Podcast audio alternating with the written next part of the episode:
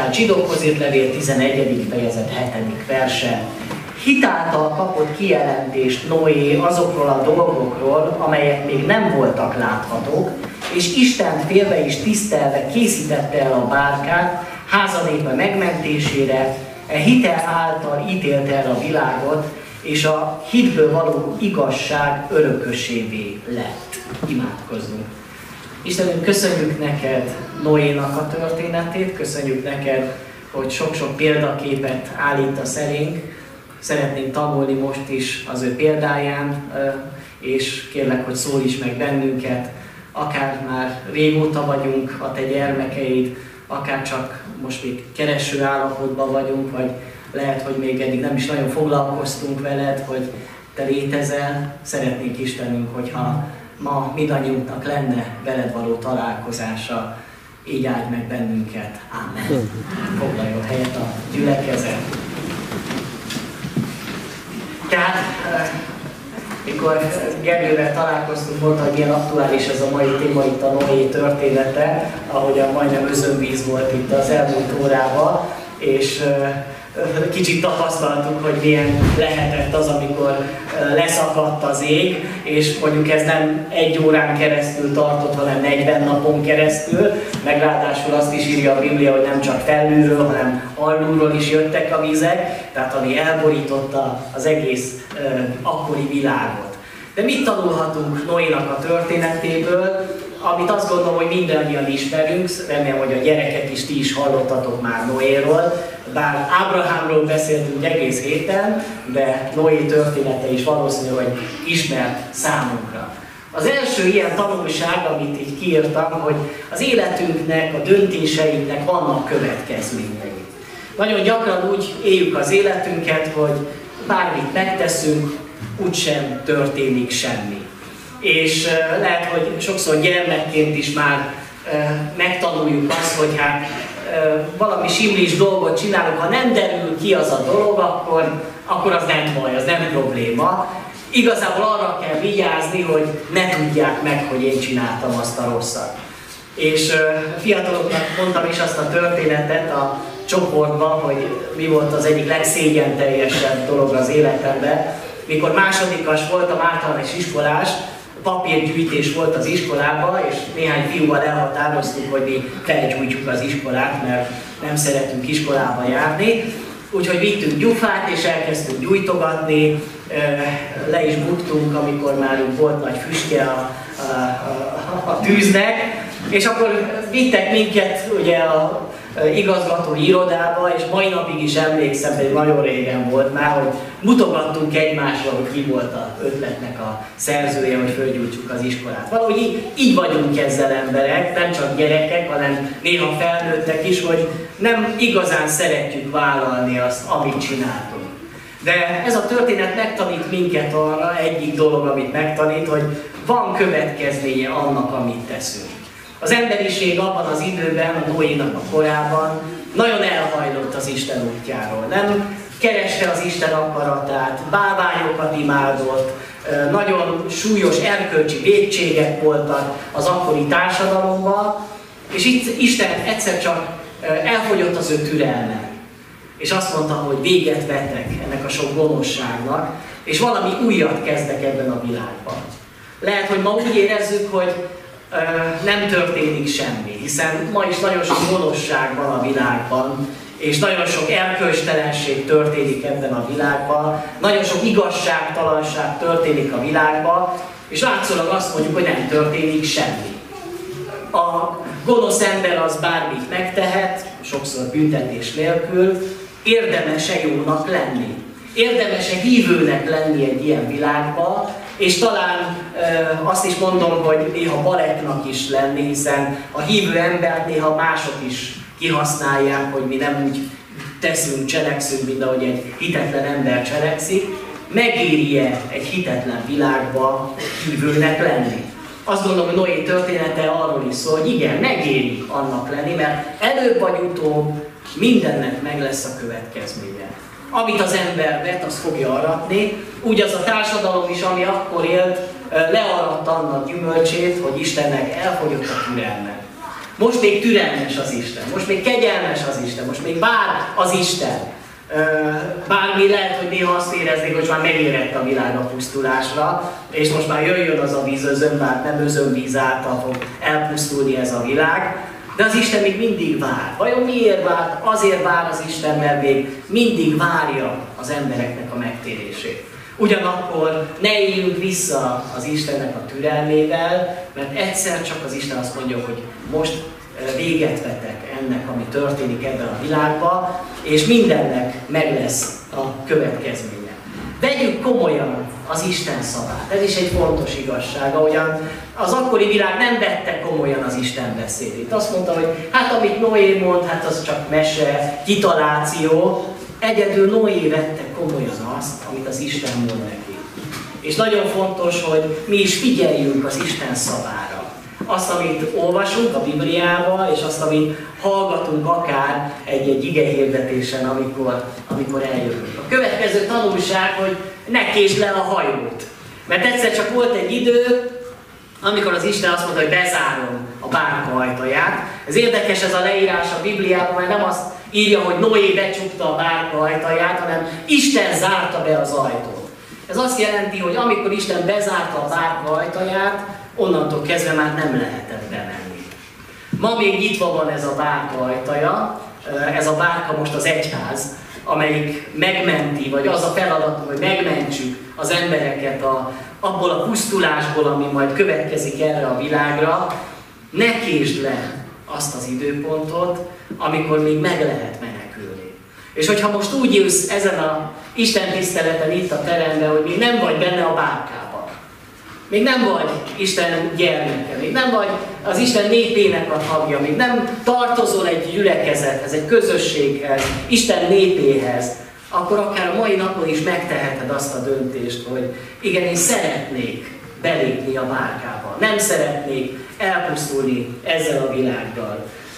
Azt mondja a Biblia, ma, ha az ő szavát halljátok, ne keményítsétek a szíveteket. Én hiszem, hogy Isten ma is szól, és ma is szól gyermekekhez, felnőttekhez, idősekhez, az ő türelme még nagy, az ő szeretete nagy, és hívogat bennünket, hogy gyertek, mert minden készen van. A következő tanulsága a Noé történet, hogy tervezünk előre, ugye Noé bárkáját, hogy vajon mennyi ideig tartott ez fölépíteni ezt a bárkát, annak a nagysága óriási volt, tehát az akkor ismert építmények közül a, a legnagyobb volt. Rengeteg idő, hiszen Noé azért hosszabb ideig élt még, mint ahogy a mi élünk. Úgy írja a Biblia, hogy 600 éves volt, mikor Isten megszólította őt. Hát mi már 600 évesen hol leszünk majd. Neki azért volt több ideje, hogy ezt a bárkát megépítse, pedig semmi tapasztalata nem volt. Isten megadta neki azt a bölcsességet, hogy, hogy ezt a bárkát megépítse, de tervezni kellett. És akkor kellett, amikor még nem esett az eső, elhitte azt, hogy majd valami történik, és elkezdte építeni a bárkát. Ugyanúgy a mi életünkben is fontos, hogy legyenek terveink, hogy tudjuk azt, hogy mit akarunk csinálni a következő években, évtizedekben az életünkben. Nagyon gyakran azt látom, a mai ember, hogy sodródik az élettel ahogyan jön. Majd most nem tervezek előre, esetleg még azt betervezem, hogy megyünk szabadságra, az még talán be van tervezve, de igazán nincsenek terveink az életünkre. Majd épp a következő héten, amikor kirándulni megyünk majd Erdélybe, ez a téma nagyon előkerül, hogy a céltudatos élet. Az, hogy milyen módon tervezzük meg az életünket, akár a családunkat, az időbeosztásunkat, akár a, a pihenésünket, a munkánkat, ez egész életünket. Ez nagyon fontos dolog, hogy céltudatos életünk legyen, hogy tudjuk azt, hogy mi a feladatunk itt a világban. Milyen nagyszerű dolog volt, hogy Noé tudta azt, hogy mi az ő feladata. Hadd kérdezzem meg, hogy tudjátok, hogy mi a feladatotok ebben a világban? Tudjuk azt, hogy mire hívott el és mire teremtett bennünket az Isten? Jó az, amikor az emberekről megbizonyosodik, és beáll abba a munkába, és kezdi azt a feladatot végezni, amit az Isten rábízott. Következő kép, hát valószínűleg nem így történt, ugye, tehát nem az ikea volt Noé, és ott vásárolta meg a bárkának az elemeit, és aztán próbálta összerakni.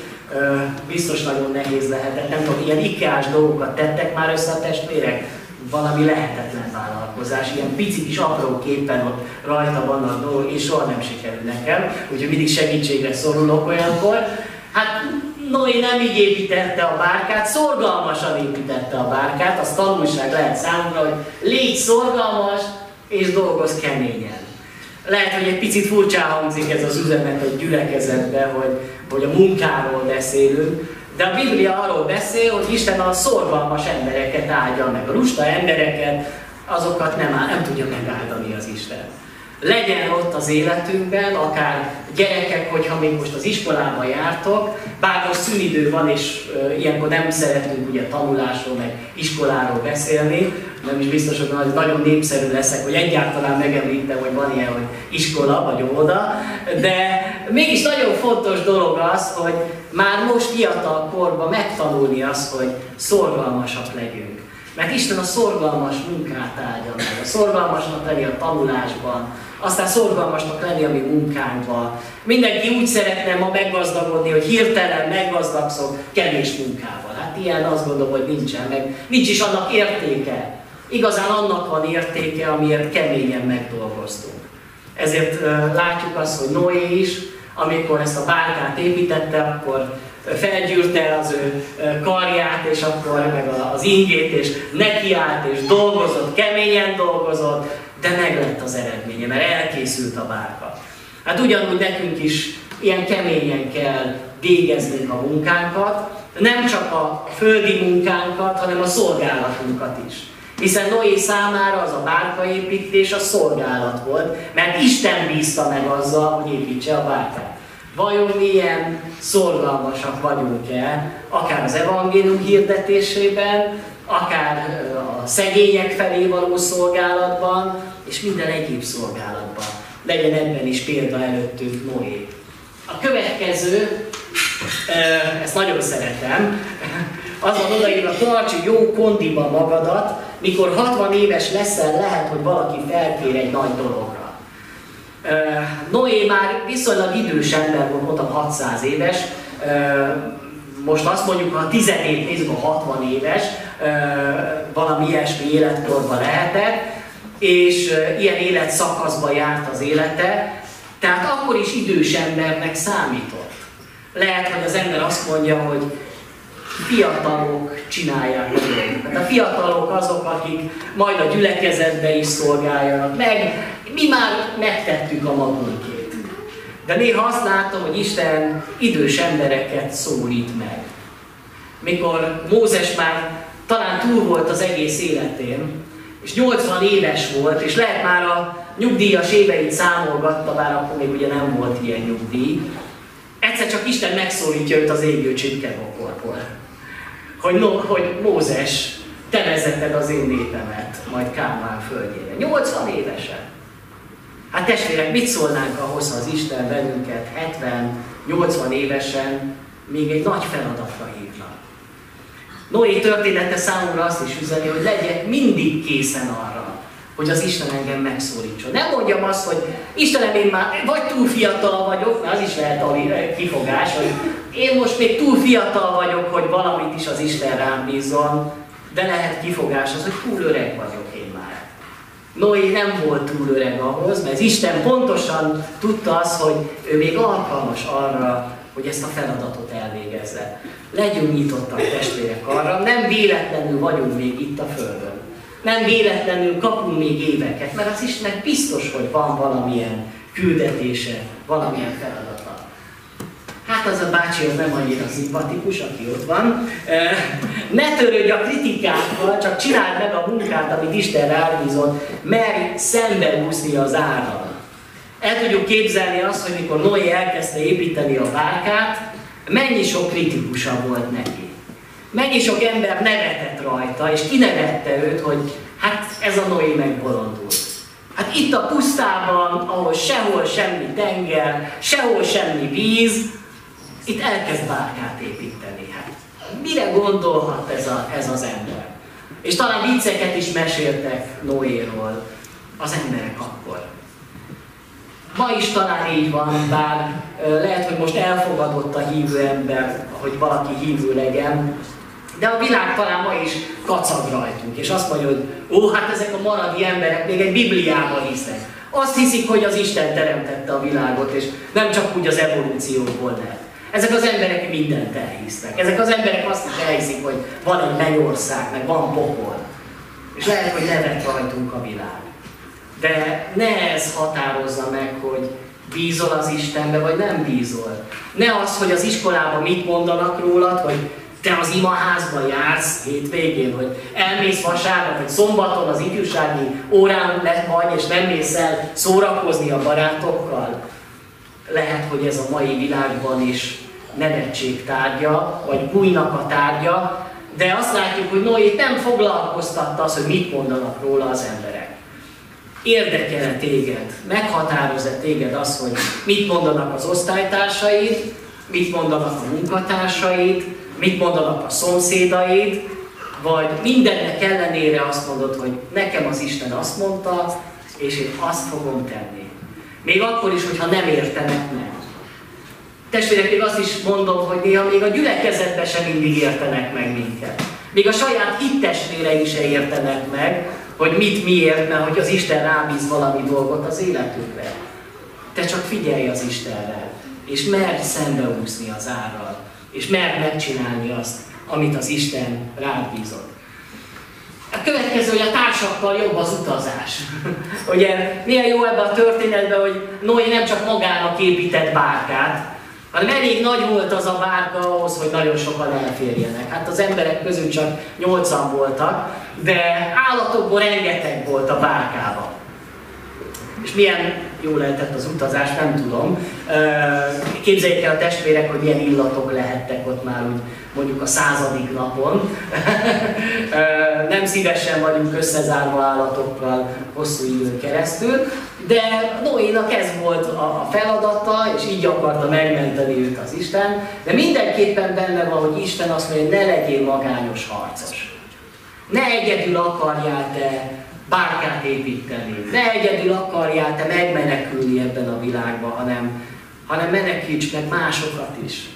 Gondolj másokra, gondolj a családodra, gondolj a munkatársaidra, az osztálytársaidra. Ők már megmenekültek, ők, ő neki már szóltál, hogy, hogy itt, itt baj van, és elpusztul majd ez a világ, és még van idő arra, hogy megmenekülj. Mindig jobb társakkal. Vannak olyanok, akik úgy élik a hívő életüket, hogy Otthon olvasom én a Bibliát, meg megnézem a tévében valamilyen istentiszteletet, mindig szoktak leadni, a rádióba is szoktak istentiszteletet adni. Nem megyek én gyülekezetbe, nem megyek én imaházba. Én azt mondom, hogy így nagyon nehéz hívő életet élni. Ahhoz, hogy igazán teljes hívő életed legyen, ahhoz kell egy gyülekezet. Ahol néha úgy vagyunk, mint az állatokkal összezárva, és néha úgy érezzük, de mégis ez az Isten akarata, és ez valami csodálatos, teljes csodálatos akarat. Következő egy csiga. A sebesség nem mindig számít, a csiga és a párduc is ugyanabban a hajóban utazol. Ezt Spurgeon mondta, a csiga kitartásával érte el a bárkát. Annyira jó ez a mondás hogy hát a, tudjuk, hogy milyen lassan tud menni az a kis csiga, és mégis valahogy odaért a bárkára. És vannak az állatok közül gyors állatok, és vannak lassú állatok. És Isten is, és Noé is megvárta, amíg a, az a kis csiga is beér a bárkába. És testvérek közöttünk is vannak különbözőségek, vannak párduc lelkű gyülekezeti tagok, akik úgy hasítanának, jó gyorsan tudnak menni, tudnak haladni, és vannak kis csigák, akik a maguk tempójában csak szépen lassan. De az Isten azt mondja, hogy lehetsz te párduc, vagy lehetsz akár kis csiga, de a magad tempójában érj oda a bárkába. Én azt gondolom, hogy nem hajszol minket az Isten, és nem kell nekünk, hogy ha nem olyan a természetünk, nem tudjuk felvenni azt a ritmust. Mi nekünk meg figyelnünk kell egymásra, hogy hogy aki túl gyors, az ne akarjon túl gyorsan, aki meg túl lassú, mert ne akarjon mindenkit visszahúzni. Így alkalmazkodunk egymáshoz. Következő gondolat, emlékez a bárkát amatőr, a Titanicot pedig profik építették. Ugye Titanic az első ilyet, a Noé bárkája pedig az meg éppen maradt, az túlélte az özönvizet is, ami azt mutatja, hogy, hogy lehet, hogy valaki nagyon profi valamibe, de mégis ami számít az, hogy valaki Istentől kap valamilyen áldást és bölcsességet az életére nézve. Lehet, hogy azt gondoljuk, hogy igazán az a jó prédikátor, aki profi, ugye? Tehát aki már 8 diplomával biztos rendelkezik, és rengeteg sok iskolát végig tanult. Sokszor nagyon egyszerű emberek voltak, akik az egyházat igazán építették. Hát a mi közösségünket és a baptista közösséget annak idején egyszerű emberek alapították. Olyanok, akik nem jártak még teológiára, még paraszt emberek voltak, még érettségiük se volt, de engedelmesek voltak az Istennek. Ne az számítson, hogy vajon kinek milyen iskolája, meg milyen profi már vagy, mert nem ez számít, valami egészen más. Ö, nem tudom, látjuk-e ott a képet, hogy mik mennek be a bárkába, ott autók mennek be. Hát ez ugye nem, ez egy karikatúra, tehát nem így volt a történetben, én nem így olvasom a Bibliába. Az üzenet az, hogy fontosabbak az emberek, az élőlények a tárgyainknál. Legyen helyes az értékrendű. Vajon mi az, amit te megmentenél ebből a világból? Mi az, amit magaddal vinnél?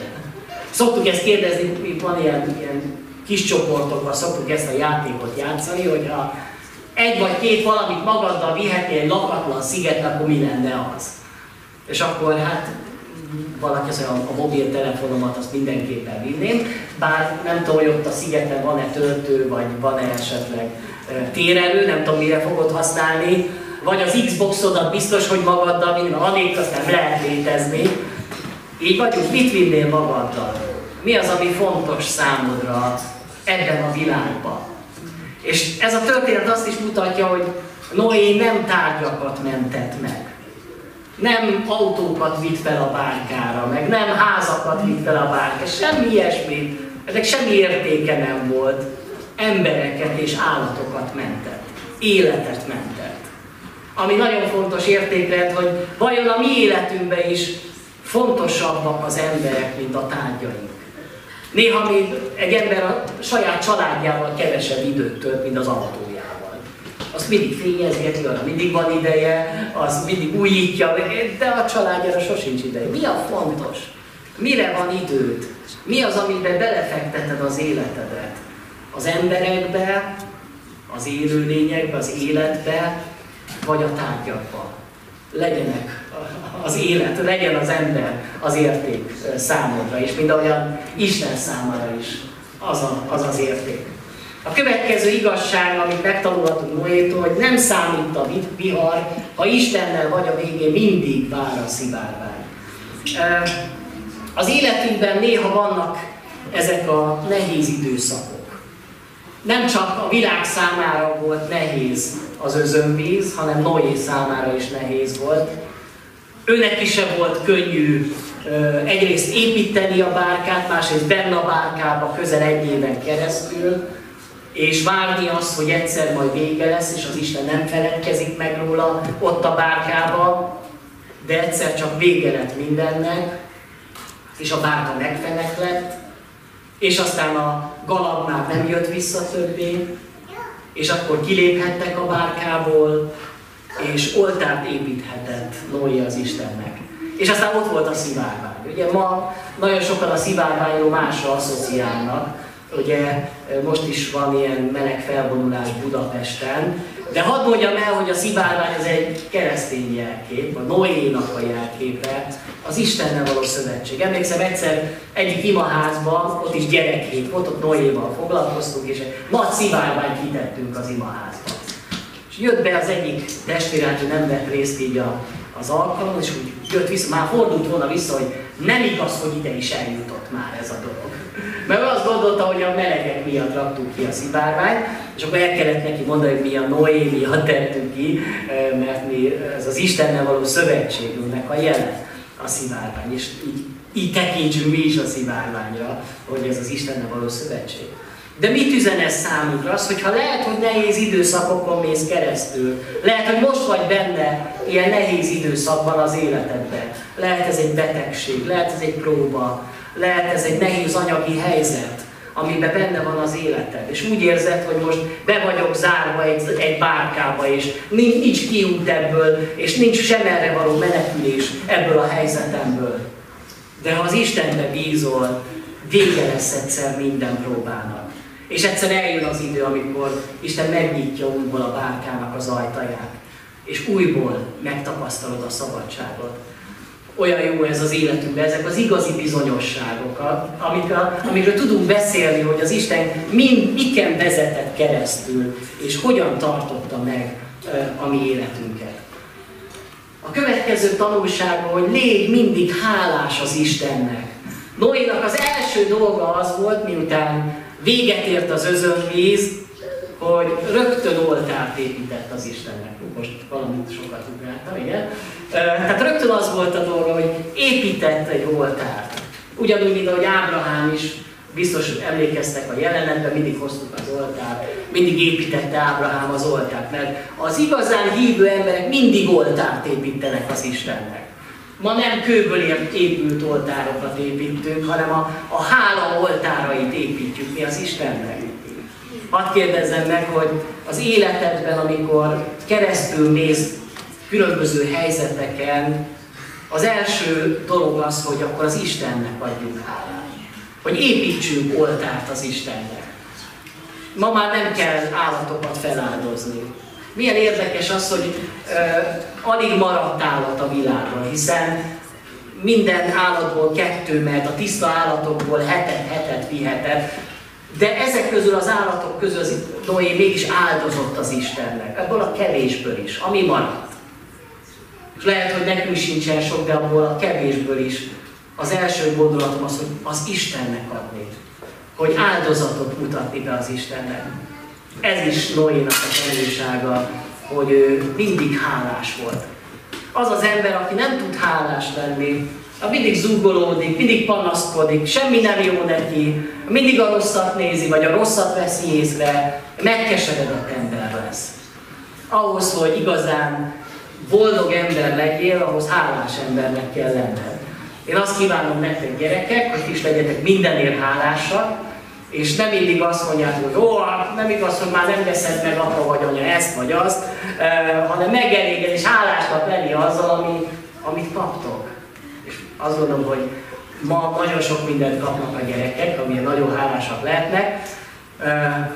Nekünk még talán nem volt ilyen jó gyerekkorunk, mint amilyen nektek van most, bár nem mindenkinek a gyerekkorát ismerem.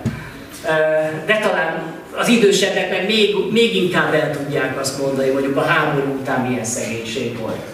Hogy minek kellett akkor örülni. Milyen ajándékok vagy milyen játékokkal játszottak akkor a gyerekek. És mégis lehetett hálásnak lenni, és mégis lehetett örülni. Ma lehet, hogy azért nem tudunk örülni, mert már annyi mindenünk van. Mert mindig mindent megkapunk, és már nem tudjuk értékelni a dolgokat. Noé megtanult mindenért hálásnak lenni, és örülni az életnek.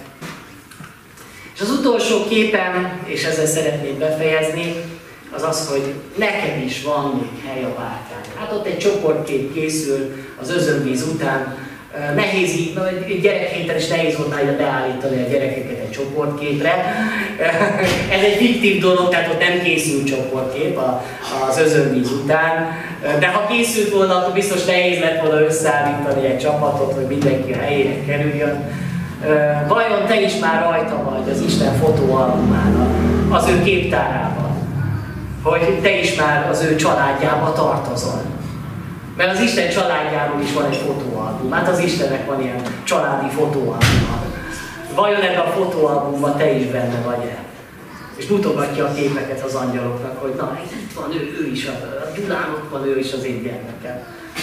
És ő úgy tért meg, ő úgy, úgy, úgy váltotta meg benne vagy-e már az Isten családjában. Én kívánom azt, hogy, hogy akik itt jelen vagyunk, kicsiktől felkezdve egészen nagyokig, mindannyian legyünk Isten követői, egy olyan világban, ami Istennel szemben áll, és lázad az Istennel szemben, de mi nem a világra hallgatunk, hanem Istenre figyelünk.